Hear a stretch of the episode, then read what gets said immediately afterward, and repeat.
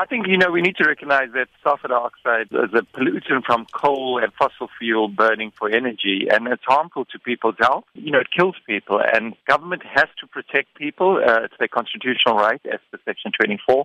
So I think the minister had no room to maneuver, and she had to withdraw this because, you know, she wasn't in compliance with the law.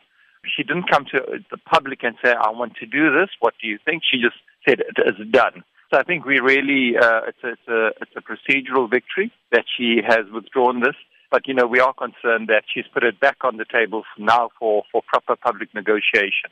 And that is a challenge because her mind hasn't changed. And uh, clearly she still wants this thing to go through. And it feels now that this process is going to be a type of rubber stamp process. But we will challenge it all the way. Peek sê Sasol en Eskom maak net wat hulle wil en kom nie wetgewing na nie en daarom wil Groundworks die implementering van die wetgewing stop. Critical thing is that the government Sasol and Eskom knew since 2004 that uh, they're going to have to retrofit their plants to meet emission standards and in in 2010 those emission standards that we're discussing now uh, around sulfur dioxide was agreed upon in a very open democratic and in a public process. Uh, so, so they had since 2004 up until now, which is 14 to 15 years, to retrofit their plants.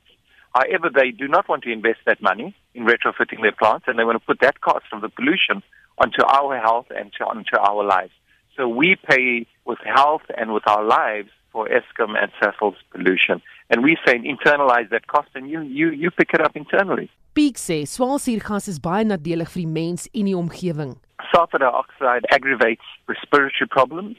So, for instance, I have asthma myself. As a child, I lived next to the Engen oil refinery, and whenever there was a high level of sulfur dioxide in the air, I got asthma. And we know that there are people that, if they do have asthma attacks, they can die. Uh, and that's really important to recognize that it could lead to the death of people. But sulfur dioxide as well leads to a whole lot of other complications within the body, not only respiratory complications, it will impact upon on, upon people's you know organs etc. Uh, so it is an important thing, but we experience sulfur dioxide as when we breathe, our chest gets tight and we can't breathe.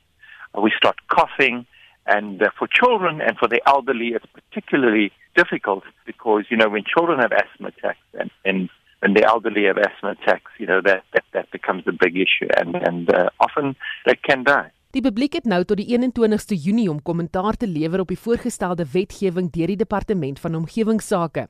Peak sê dit is uiters belangrik dat die publiek nou hulle stemme dik maak oor die kwessie. The reality is that yeah, the department listens listens rather to to to Eskom and to Sasol rather than to people and there's a type of light at the end of the tunnel. Eskom has a choice and the ANC's manifesto in January before the election said and I want to quote this we need to reposition Eskom to play an active role in the renewable energy sector and promote public ownership in renewable energy infrastructure. The ANC, who is our government now in the majority, says Eskom needs to look at renewable energy. And if we have renewable energy with Eskom, we won't have sulfur dioxide pollution per se. So that's really important. Sasol, however, they're in a bit of trouble because they, they get out of jail card is not that easy. They have to stop coal. If Sasol doesn't stop coal and they're reliant on coal, they will continue producing SO2, and they're not going to stop coal in, in, in, the, in the near future in South Africa. Uh, do they have the money to retrofit the plants? Yes, they do. Just remember that Sasol is spending $12.9 billion on a facility that is double the original budget in the Gulf of uh, the Gulf of the United States, the Gulf of Mexico. So the reality is Sasol can reinvest if they want to, but they choose rather to pollute South Africa and take their investment abroad.